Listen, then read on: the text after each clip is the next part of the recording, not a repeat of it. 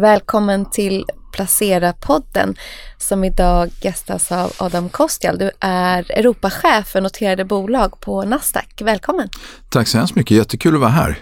Vi som sitter bakom mikrofonerna är Daniel McPhee. Och jag Elinor Bäcket. Vi kanske börjar på en gång. Noteringschef. Ja. Europa. Man tänker ju spontant antingen har haft jättemycket att göra eller ingenting senaste åren. Berätta, vad, vad gör du på dagarna nu? Ja, nu sa du åren. Du ja, tänker på år. året. 22 och 23. Nej, jag bara skojar. Men eh, man kan väl säga så här att den svenska marknaden har varit den mest aktiva noteringsmarknaden i Europa i väldigt många år. Och det har betytt att hela marknaden har haft mycket att göra och har ännu mer att göra nu att hjälpa de här bolagen som är noterade att fortsätta sin resa i form av att nå investerare och resa kapital. Och, och det är ju riskkapital de har tagit in eh, och många av de här bolagen har det rätt kämpigt just nu. Men mitt ansvar är väl egentligen eh, två saker. Det ena är att säkerställa att bolagen förstår värdet av att notera sig och förstår processen och, och att vi hjälper dem navigera vägen till börsen. Eh, både på First North och huvudlistan på våra nordiska börser och till viss del också europeiska bolag eller nordiska bolag som vill till USA.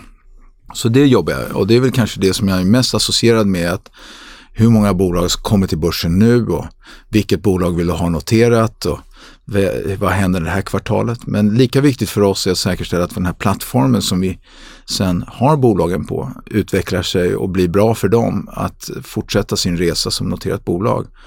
Eh, så att jag jobbar även då med ansvar för de noterade bolagen. Och varför ska man då vara börsnoterad? Det är en väldigt bra fråga. Jag tror att ganska många bolag som ställer sig den frågan just nu eh, med den marknaden som vi har just nu och den affären som de har och hur den har utvecklat sig. Men generellt sett skulle jag vilja säga att värdet av att vara noterad, förutsatt att man har grundprinciperna för att kunna vara noterad på plats, är väl att utöver kapital så får man ju ett äh, jäkla massa fler verktyg att jobba med som är viktiga för den fortsatta resan för bolaget. Vad är det för verktyg? Ja, det är väl allting från att, givetvis så associerar det med kapitalanskaffning. Och då kan man diversifiera sig gentemot att vara noterad, eh, eller onoterad rättare sagt. För där har man ju då lättare att nå obligationsmarknaden beroende på vilken affärsmodell man har.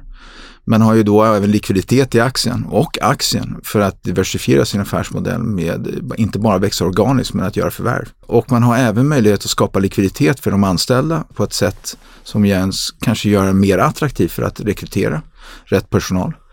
Och man får synlighet och mer trovärdighet och kredibilitet eh, i sin affär för att fortsätta kommersialiseringen av sin resa. Så att jag tror att för många bolag som väljer att notera sig så utsätter de sig för en mer transparens vilket kommer med ansvar. Men samtidigt så får man ju då de här verktygen och använder man dem på rätt sätt så gynnar det affären på ett bredare sätt än att bara resa kapital som man får utanför börsen. Och du har ju, tycker ju förstås att man som bolag ska notera sig. Men finns det några bolag som inte bör vara på börsen? Tycker du? Ja, men jag tror att i yran som vi hade 2021 och när allting värderades på, på väldigt höga nivåer, och då menar jag allting, då menar jag bostäder, jag menar allt värderades på höga nivåer som kanske inte var rimliga nivåer och nivåer som kunde, som kunde behållas på, på, eh, med de förutsättningar som vi har idag. Så tror jag man också värderade bolag om man kanske var lite för ivrig att notera bolag som kanske idag har utmanande att leva upp till förväntningarna. Och de förväntningarna har ju ändrats. Eh, vi har ju räntan som har påverkat många affärsmodeller.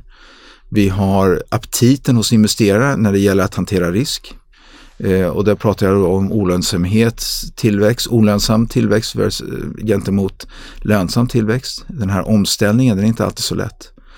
Och sen är det ju så att jag vill ju att börsen ska vara en plats för riskkapital. Och det tror jag många blandar ihop med att när man noterar sig då är det färdiga mogna bolag som kommer till börsen. Och det behöver man inte oroa sig längre. De här är bara det handlar bara om tillväxt. Men det handlar om riskkapital och riskkapital är inte alltid 100% eh, liksom, eh, upptakt eller liksom tillväxt. Det handlar också om att det kan bli eh, en utveckling som inte möter förväntningarna av investerare. Men det är så jag vill att börsen ska vara. Eh, för att annars blir börsen inte relevant längre ur det perspektivet. För vi vill se tillväxt på börsen och vi vill se risk. Men investerarna ska veta vad de investerar i och jag tror att investerarna hade en enorm aptit 2021. Den, den aptiten har ändrats. Men du pratar om att värderingarna var ju höga mm. överallt, fastigheter och ja. alla former av tillgångar. Ni har såklart ett ansvar i att se till Självklart. att det sker långsiktigt, att det finns någon form av rimliga värderingar också Verkligen. över tid. Vad tar ni för ansvar där och vad har ni för möjligheter att påverka värderingar och är ni liksom inblandade i det överhuvudtaget? Mm. Ja, men det är en väldigt bra fråga och jag tror att vi får den frågan väldigt ofta och jag tror man blandar ihop lite vad är vårt ansvar och vad är investerarens ansvar. Och investerarens ansvar tycker jag det är att förstå vad man investerar i. På vilka grunder man investerar. Och den har inte vi kontroll över. Men däremot så har vi ansvar för att säkerställa att bolaget har parametrarna och verktygen och eh, processerna på plats för att hantera dialogen med investerarna och dialogen med regleraren och dialogen som, med kraven som vi ställer på, börs, på bolagen att vara noterade. Så att det ska vara full transparens, det ska vara på ett trovärdigt sätt, det ska vara ett, en, säkerställa att de här bolagen har en aktiv och, och, och trovärdig och regelrätt dialog med sina investerare. Men vi har väldigt få parametrar i våra krav som styr kring värdering av bolaget. Det är någonting mellan investerare och ägare och alla de parterna. Men det har inte med oss att göra. Men däremot så har vi vissa krav som gäller att de ska ha viss finansiering på plats. Det är 12 månader, då ska ha en viss finansiell historik. Så att det ska finnas en grund av trovärdighet och transparens och erfarenhet för att kunna hantera den publika miljön. Vi blandar ofta ihop med att vi har ett ansvar för värderingen. Jag tror det skulle bli fel om vi börjar ge oss in i värderingar, för då hade jag kanske inte värderat många av de här bolagen som har gått väldigt bra. Och jag kanske hade övervärderat några bolag som inte har levt upp till förväntningar. Så att jag tror att det är en väldigt, jag lämnar det till investerarna att göra den bedömningen. Men de kraven som ni har, det är främst alltså finansiell rapportering då? Ja, vi har två krav skulle jag säga. Det ena är att vi reglerar och ställer krav på bolagen hur de ska rapportera hur de ska förhålla sig till de eh, aktiemarknadsbolagslagen som är en lag som är utanför våran, som bolagen ska leva upp till, som noterade bolag. Sen har vi krav och de kraven är en blandning av att säkerställa att de har tillräckligt mycket likviditet och förutsättningar för likviditet på marknaden och samtidigt så att de har processer och verktygen på plats för att säkerställa att de har en regelrätt dialog med sina investerare. Sen har du aktiemarknadsbolagslagen, du har Finansinspektionen som är mer reglerar. Det finns alla parter som har en dialog med bolagen och som har ett ansvar där vi samarbetar. Sen har du EU-krav som kommer in med MAR och, och eh, andra aspekter och vi försöker jobba med de här aspekterna och vi försöker säkerställa att bolagen har tillräckligt många regler för att kunna hantera det där på ett trovärdigt sätt. Eh, och sen är vi inne på det här med historik. Så det är en svår fråga att bemöta, men jag tror egentligen det jag vill säga är att vi försöker säkerställa att de här bolagen har historik, processer på plats, men vi är inte inne och tullar på värderingar. Hur ofta säger ni nej till bolag då? Ganska ofta, ganska ofta. Men vi hade en period där väldigt få investerare sa nej till investeringsmöjligheter. Om man vänder lite på frågan och tänker att det finns ett värde att vara börsnoterad både för bolaget och investerare, både privatinvesterare och mer professionella. Finns det en risk att regleringen blir för tuff, att ja, vi inte får några noterade bolag och hur jobbar ni med den frågan? För det finns ju för och nackdelar med allt såklart. Men... Absolut, och jag tror att vi har ett ansvar som börs att driva en börsverksamhet, men vi driver inte den åt våra aktieägare, vi driver den för Sverige. Vi är ganska medvetna om att vi inte har en jättehög konkurrens. Det finns inte så många börser eh, i varje respektive land. Om man tittar på den europeiska kartan så har du Londonbörsen, du har tyska börsen, du har franska börsen. Alla vi som är, driver börs har ett ansvar att säkerställa att vi tillhandahåller den bästa möjliga marknadsplatsen för våra bolag här i Norden. Och vad betyder det? Jo, det betyder att de bolagen som noterar sig här ska kunna nå så många investerare som möjligt på ett trovärdigt sätt. Och där handelsplatsen når så många handelsmedlemmar på ett trovärdigt sätt. Det är det som vi gör. Och vad är värdet av det? Jo, värdet av det är att privatinvesterare, institutionella investerare kan nå nya bolag att investera i som skapar långsiktigt värde. Men det värdet är inte bara finansiellt, det är också ett samhällsvärde. Om man tittar på statistiken för av ett bolag som noterar sig så skapar de enormt mycket mer värde än bara hur kursen på det bolaget har utvecklats.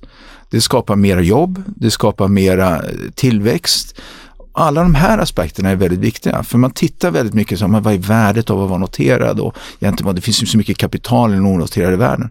Ja, men vi vill ha en aktiv och välfungerande börs för det skapar tillväxt i samhället.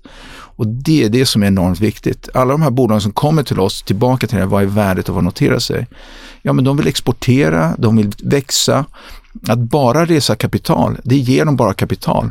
Börsen ger dem ger så mycket annat. Men börjar man då överreglera den noterade världen, för att det, den är så lätt att reglera, för det är en liten klubb som är väldigt transparent, ja men då lägger vi alla regler på dem. Medan den onoterade världen behöver inte vara reglerad alls ja då skapar det en enorm liksom, komplexitet i att i den onoterade världen, då skapar du egentligen bara värden för de ägarna som får access till de här onoterade bolagen. Du skapar inte samma samhällsvärde som du gör när du har bolag i den noterade världen. Så det är därför vi för en aktiv dialog i Bryssel med regeringen här om att försöka balansera den här regleringen. Reglering med trovärdighet, men inte överbelasta de här bolagen med bara massa reglering bara för att regleringen ska ske. Eh, vi måste hitta en balans där, steg för steg säkerställa att det adderar värde och att det verkligen är värden som skapar transparens och trovärdighet, men att det fortfarande är en hanterbar marknadsplats. Och det är därför vi har First North och huvudlistan. First North är en mindre reglerad marknadsplats, den som vi reglerar under ansvar av Finansinspektionen, men det är vi som ansvarar för den. Medan huvudlistan är den listan som, ansvar, som Finansinspektionen reglerar och där vi samarbetar med dem. Och där är det viktigt att vi hittar den här instegsporten. Vi har haft 125 bolag som har tagit steget från First North till huvudlista. Det är en fantastisk resa. Hade de här bolagen inte haft First North, då hade förmodligen, jag skulle säga 80 procent av dem inte varit noterade idag. Vi hade förmodligen inte haft Evolution Gaming på börsen. Och nu är du noteringschef så vi måste ju såklart prata om vad som är på gång. Men först ska vi bara prata, med tanke på att du ändå pratar om transparens, trovärdighet. Ja. De får. Ni har ju haft en egen fråga uppe på bordet, eller incident får man ju Absolut. säga, med egna medarbetare som ja. själva jobbar på övervakningen. Har du någonting du kan kommentera i den frågan? Det är inte ditt bord, men du är ändå anställd på Nasdaq. Ja, men absolut. Och det är en väldigt svår situation och det är en brottsutredning på plats som, som sker just nu och vi samarbetar fullt med Finansinspektionen och Ekobrottsmyndigheten och alla involverade för att säkerställa att all information som vi har tillhandahålls vi säkerställer att våra anställda är på en bra plats. Vi säkerställer att vi försöker kommunicera så mycket vi kan till marknaden. Men just nu så är det en brottsutredning på plats. Det är en väldigt svår situation, men vi kan egentligen inte kommentera så mycket mer än så här.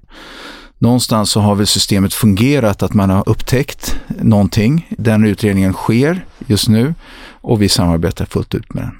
Men det är en svår situation och eh, vi jobbar aktivt med liksom att förebygga det här internt givetvis. Det här är första gången det har hänt oss, men det är en brottsutredning på plats så vi kan inte säga så mycket mer. Och du har ju varit på din post, om jag inte minns fel, i 11 år. Jag vet. Hur ser då IPO-marknaden ut för tillfället? Första rubriken jag fick när jag klev in i den här rollen var Börsen är död och så var det en stor bild på Conny Jonsson från EQT och länge lever Private Equity.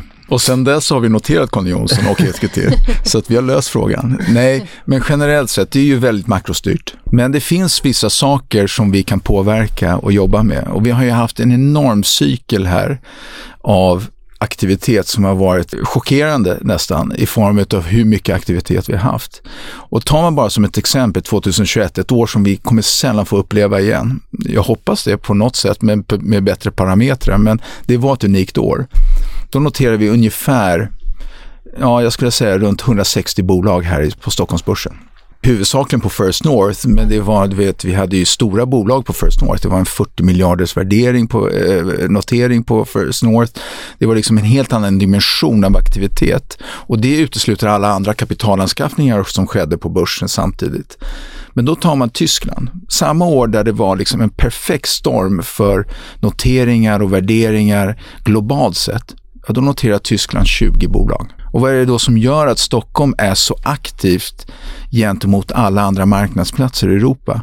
Ja, men det är för att vi har en aktiekultur som går in i hemmen och som går in bland alla personer som är på gatan. De har en relation till aktiemarknaden. Vare sig den är passiv genom fonder eller aktiv genom att de tar aktiva investeringar. Och det är tack vare er som belyser det här och utbildar dem och hjälper dem att förstå liksom vad det betyder att vara aktieägare. Men det är det som gör att vi har liksom ett samhälle som bygger kring aktiekultur som inte någon annan eh, europeisk marknad har. Och det är det som stöttar möjligheten att notera bolag. För hade vi inte haft det så hade det inte varit relevant. Så att tittar man tillbaka tio åren, det har varit unika år. Vi går nu in i en fas där vi kommer att ha högre ränta länge. Vi kommer säkert leva med inflation på en högre nivå, på, eh, även om den stabiliserar sig. Det kommer ta tid att få ner inflationen. Det kommer innebära att vi kommer inte ha samma ECM eller kapitalmarknadsaktivitet. Men jag tror att så fort vi ser den börja stabilisera sig, man börjar se räntesänkningar, kommer man kanske i USA till att börja med och sen kanske stegvis in i Europa, ja då kommer vi se att man börjar sätta värderingar igen. Man kommer börja finansiera tillväxt igen och det kommer innebära att vi kommer se flera noteringar. Så att jag tror redan att halvårsskiftet 2024 så kommer vi börja se fler noteringar och vi ser redan en aktivitet bland bolag som är redo att trycka på knappen och komma igång så fort de har det här mötet. Vad är drömnoteringen då, här i Sverige?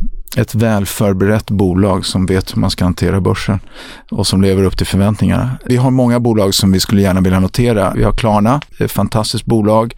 Vi har Northvolt som det pratas om. Vi har eh, fantastiska små till mellanstora tillväxtbolag som ingen känner till, men som gör unika saker på ett globalt sätt. Och vi skulle gärna vilja se dem komma till börsen för att säkerställa att de fortsätter sin resa hos oss.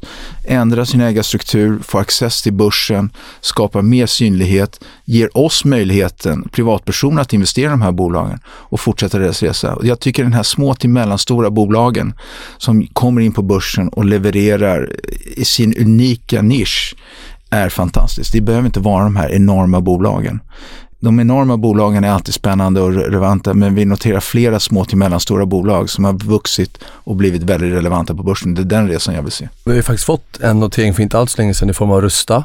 Ja. Nu förstår jag att du inte kan säga vad som är på gång kommande månader men vi pratar lite branscher, vad kokar just nu? Du säger att det finns några bolag som är redo att trycka på knappen. Ja, men Rusta var intressant. Eh, det var ett ägarskifte. De hade, det var ett familjeägt bolag, grundarlätt fantastiskt att de väljer börsen. De tror på att de vill vara starka ägare på, i bolaget fortfarande, men de vill släppa in nya ägare, men vill fortsätta driva bolaget. Det man såg i den noteringen, var, vilket var ganska intressant, att vi såg en viss tveksamhet från små till mellanstora institutionella ägare i Sverige. För man hade fullt upp med att jobba med sina egna portföljinnehav just nu och man kanske inte hade den aptiten att ta in ett nytt bolag. Eh, och den här riskaptiten att ta in ett nytt bolag. Men där klev då Fidelity och några internationella fonder som starka ägare, för de trodde på det här bolaget. De förstod vilket potential det hade. Och det är inte bara i Sverige, det är internationellt. Så att de vill vara med och driva deras tillväxt. När man tittar på andra bolag, just nu så är man intresserad av bolag som visar bra lönsamhet, kanske inte växer i galen takt men som visar på en stadig tillväxt, förutsägbar tillväxt. Och den här förutsägbarheten premieras just nu. Och det är väl den typen av bolag vi ser som står först i linjen. De här högtillväxtbolagen som har liksom levererat fantastisk tillväxt, ja, de kanske inte får betalt för den tillväxten på samma sätt. Och de kommer behöva ställa om och visa lönsamhet.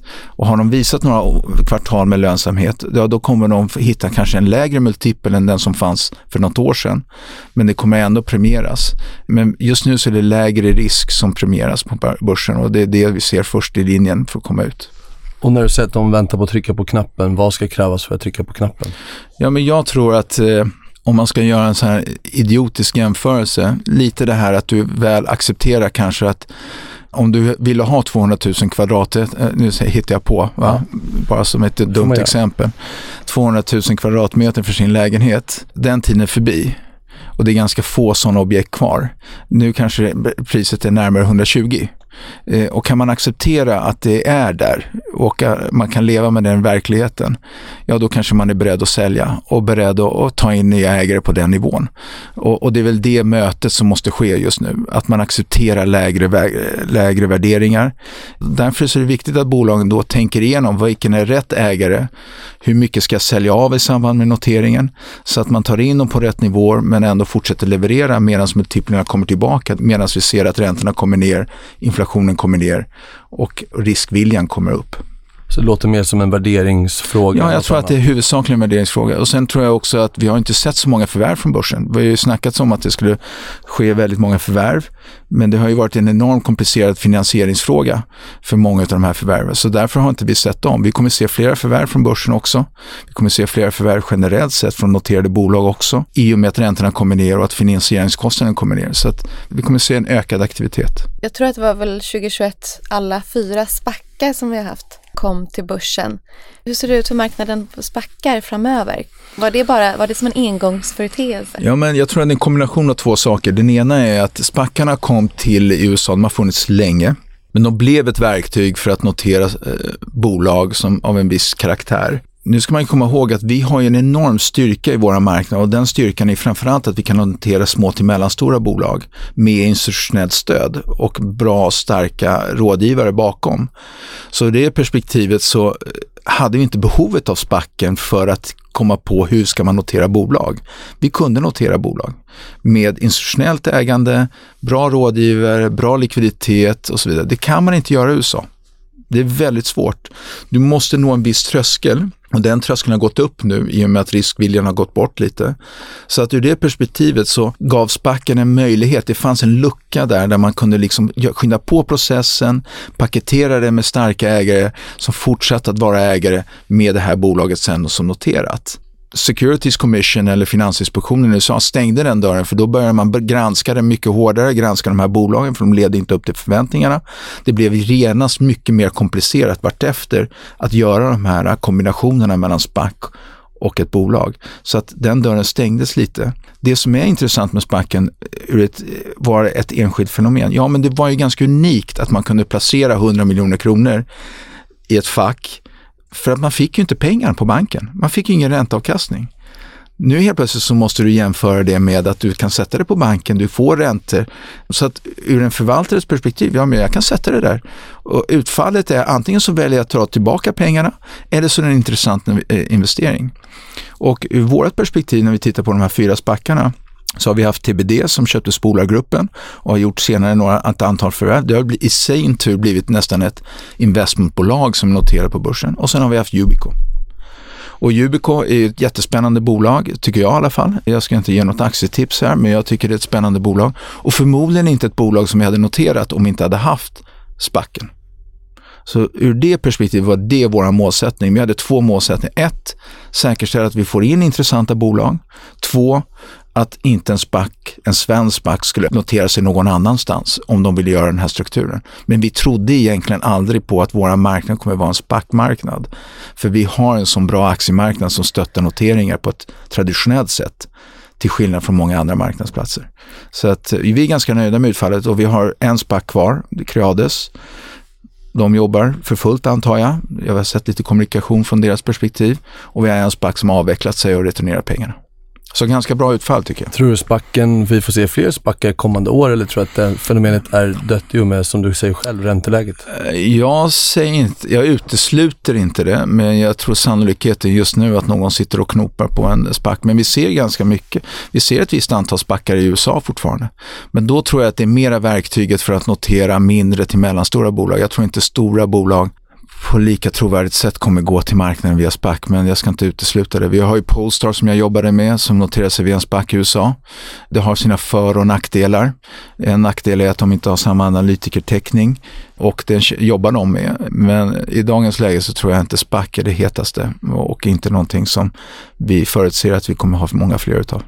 Och apropå diskussionen USA, notering där och Sverige. Ja. Spotify var ju ett svenskt bolag får man ändå säga Absolut. som noterades i USA. Du nämnde själv Klarna som någon form av drömnotering. Ja. Hur går de diskussionerna internt hos er och hur väljer man vilken marknadsplats? Ja.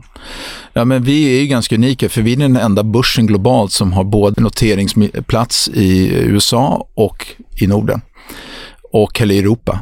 Så att vi kan på ett trovärdigt sätt sätta oss ner med bolagen och säga men vi har två alternativ för er.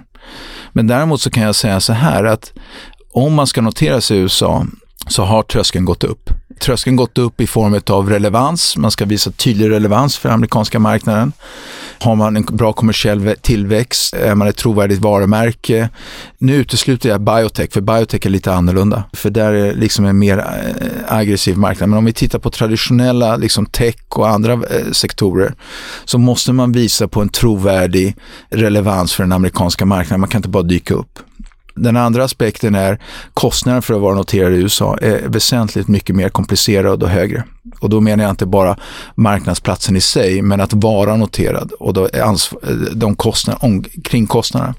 Så att man måste tänka efter om man verkligen får ut det mervärdet att vara noterad i USA.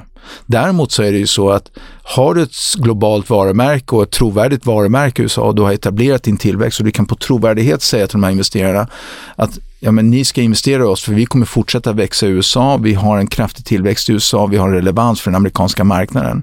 Plus att vår affärsmodell är väldigt lik många jämförelsebolag.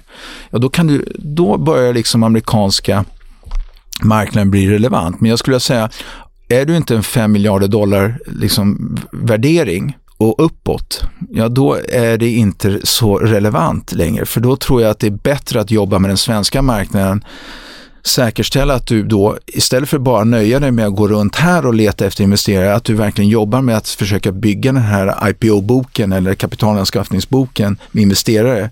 Att säkerställa att du får in amerikanska investerare som förstår din affärsmodell men investerar här. Och det har vi många utav. Vi har Embracer, vi har Evolution, vi har Sinch och många andra bolag som attraherat internationella investerare som är vana och tycker att den svenska marknaden är väldigt likvid, aktiv och relevant och, och enkel att jobba med. Och därför så investerar de gärna i bolagen här. Det är inte lösningen att bara bli en liten aktör i USA. Så att det finns ett handfull av bolag där som jag tycker skulle kunna vara relevanta för den amerikanska marknaden. Och där för vi en aktiv dialog mellan för och nackdelarna. Och är det så att investerarna och deras ägare slutligen beslutar sig för USA, ja, då börjar vi jobba med det. Men vi försöker inte pusha dem till USA. Men vi har det alternativet om bolaget bestämmer sig och det är inte vi som tar det beslutet. Det är de sluten. Men vi försöker lägga fram alla fördelar med att vara noterade här i Sverige eller i Köpenhamn eller Helsingfors beroende på om det är ett nordiskt bolag. Och du nämnde kostnader. Eh, vad kostar det skulle säga för ett vanligt midcap-bolag här på huvudlistan att vara noterad? Ja, men jag skulle säga att för ett vanligt midcap-bolag, jag skulle säga ungefär en halv miljon kronor kanske för att vara noterad hos oss årligen. Beroende på, vi har en prissättning som bygger på market cap. Men igen, våran avgift är inte kostnaden för att vara noterad. Kostnaden för att vara noterad är den investeringen du gör i att säkerställa att du har rätt styrelse på plats, du har rätt processer på plats, du har en e IR-chef som jobbar aktivt med marknaden, du har liksom andra krav som kommer med att vara noterad. Så att det är inte våra kostnader som driver kostnaden för att vara noterad. Samma sak i USA. För att vara noterad som Spotify, där så kostar de kanske någon miljon eller någonting, men det är inte det som kostar. Det som kostar är att leva upp till kraven utav Securities Commission, kraven som kommer från marknaden. Och där tycker jag som helhet att vi som svensk marknad har en väldigt kapitaleffektiv marknadsplats. För att vi, den är väldigt orienterad kring aktier.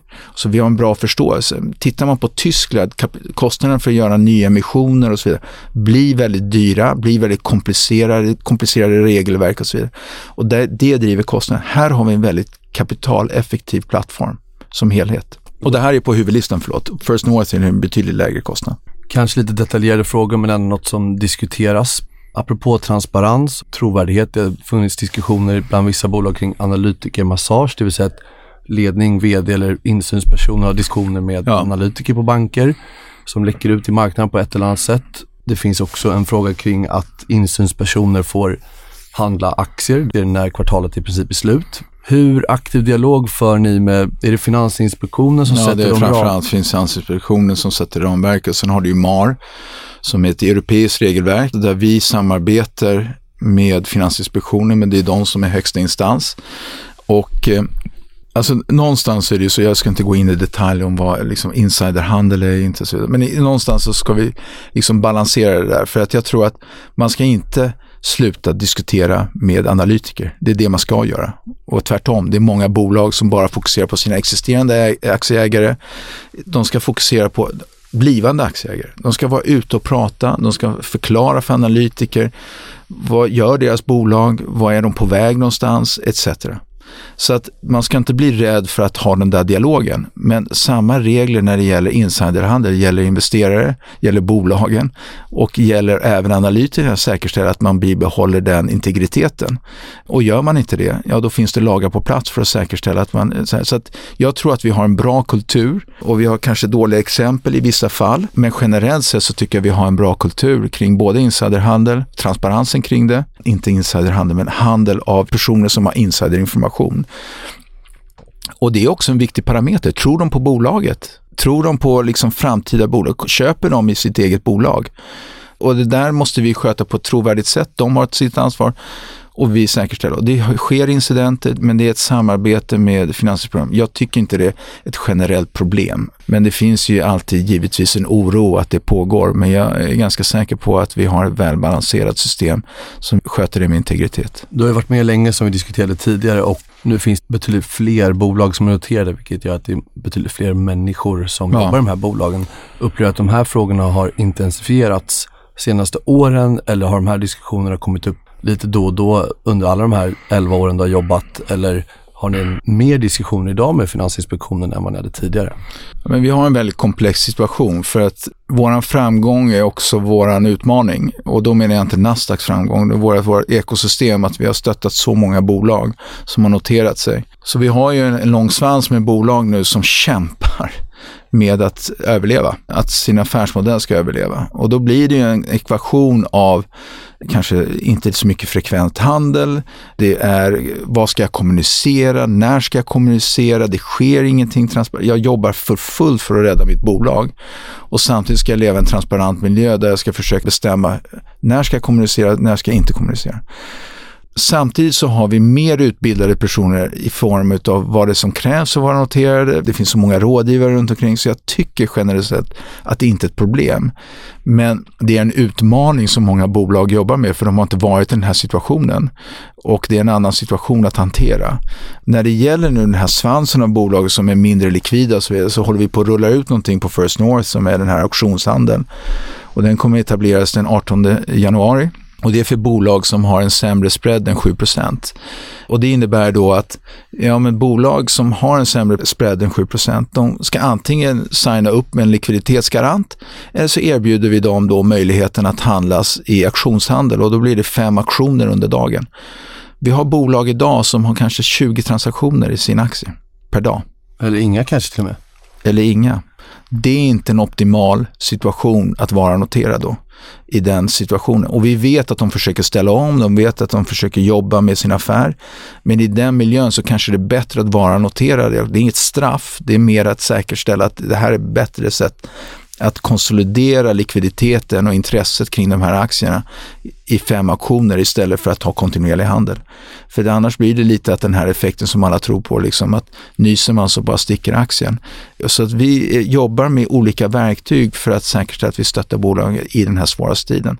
Det är en svår tid och den är globalt väldigt komplicerad. Tittar du på 50% av alla amerikanska bolag som är noterade är icke lönsamma det är, liksom, det är en komplicerad miljö när vi nu håller på att ställa om och värderar lönsamhet.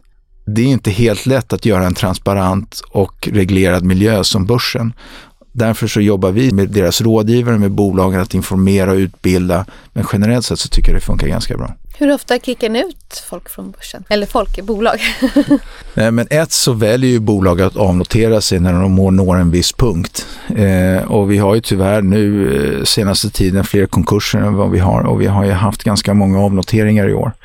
Men vi har också en situation där du har bolag som har insett att deras affärsmodell funkar inte längre och då blir de skalbolag, inte spackar med skalbolag i princip där man ser att bolag utnyttjar det tillfället att kanske kliva in via börsen börsen. Som ett omvänt förvärv? Ett omvänt förvärv. Och det tycker jag är en bra omställning. Men då ska investerarna vara medvetna om vad är det de har för aktie och vad är det de kommer fortsätta investera i. Men vi har en reglerad process där vi jobbar aktivt med bolag som inte sköter sig. Och där sker det löpande att det finns vissa bolag som sätts på observationslistan eller slutligen då kanske avnoteras. Det är inte lika vanligt. Det mest vanliga just nu är att det är många bolag som måste ställa om och väljer att avnotera sig. Det är en svår tid nu. Om du måste gissa 2024, hur många börsnoteringar får vi? Jag skulle tippa på, problemet är att många tittar ju på hur många nya bolag och hur många IPOer och så vidare. Jag räknar ju alla de här flyttarna. Jag räknar alltid så här, men om man ska titta på IPOer, kanske 20-tal. Eh, och det skulle vara ett fantastiskt år. Men vi kommer ha mycket aktivitet eh, när det gäller noteringar av alla dessa slag. Men jag tänker att eh, efter sommaren så kommer vi nog se mer aktivitet globalt. Och vi kommer nog se att USA kommer komma ut i startblocken mycket snabbare än vad vi gör här i Europa. Och jag tror generellt sett, även om vi har en större baksmälla här i, i, Sverige eftersom vi har noterat så många bolag och det har man inte gjort i Europa. Därför är det så många som kanske är lite mer avvaktande just nu. Men generellt sett så kommer vi nog se mer avvaktande i andra halvåret. Hur många bolag? Ja, det är inte, jag mäts inte på hur många bolag, men däremot så vill jag se för marknaden att vi har fler investeringsmöjligheter och det får vi bara om de noteras. Det är väldigt svårt att investera i bolag som är onoterade. Så att hellre att de noteras så att vi får flera tillskott att investera i. Tack så mycket för att du kom hit, Adam Kostiel. Ja, men tack själva. Det var jättekul. Tack.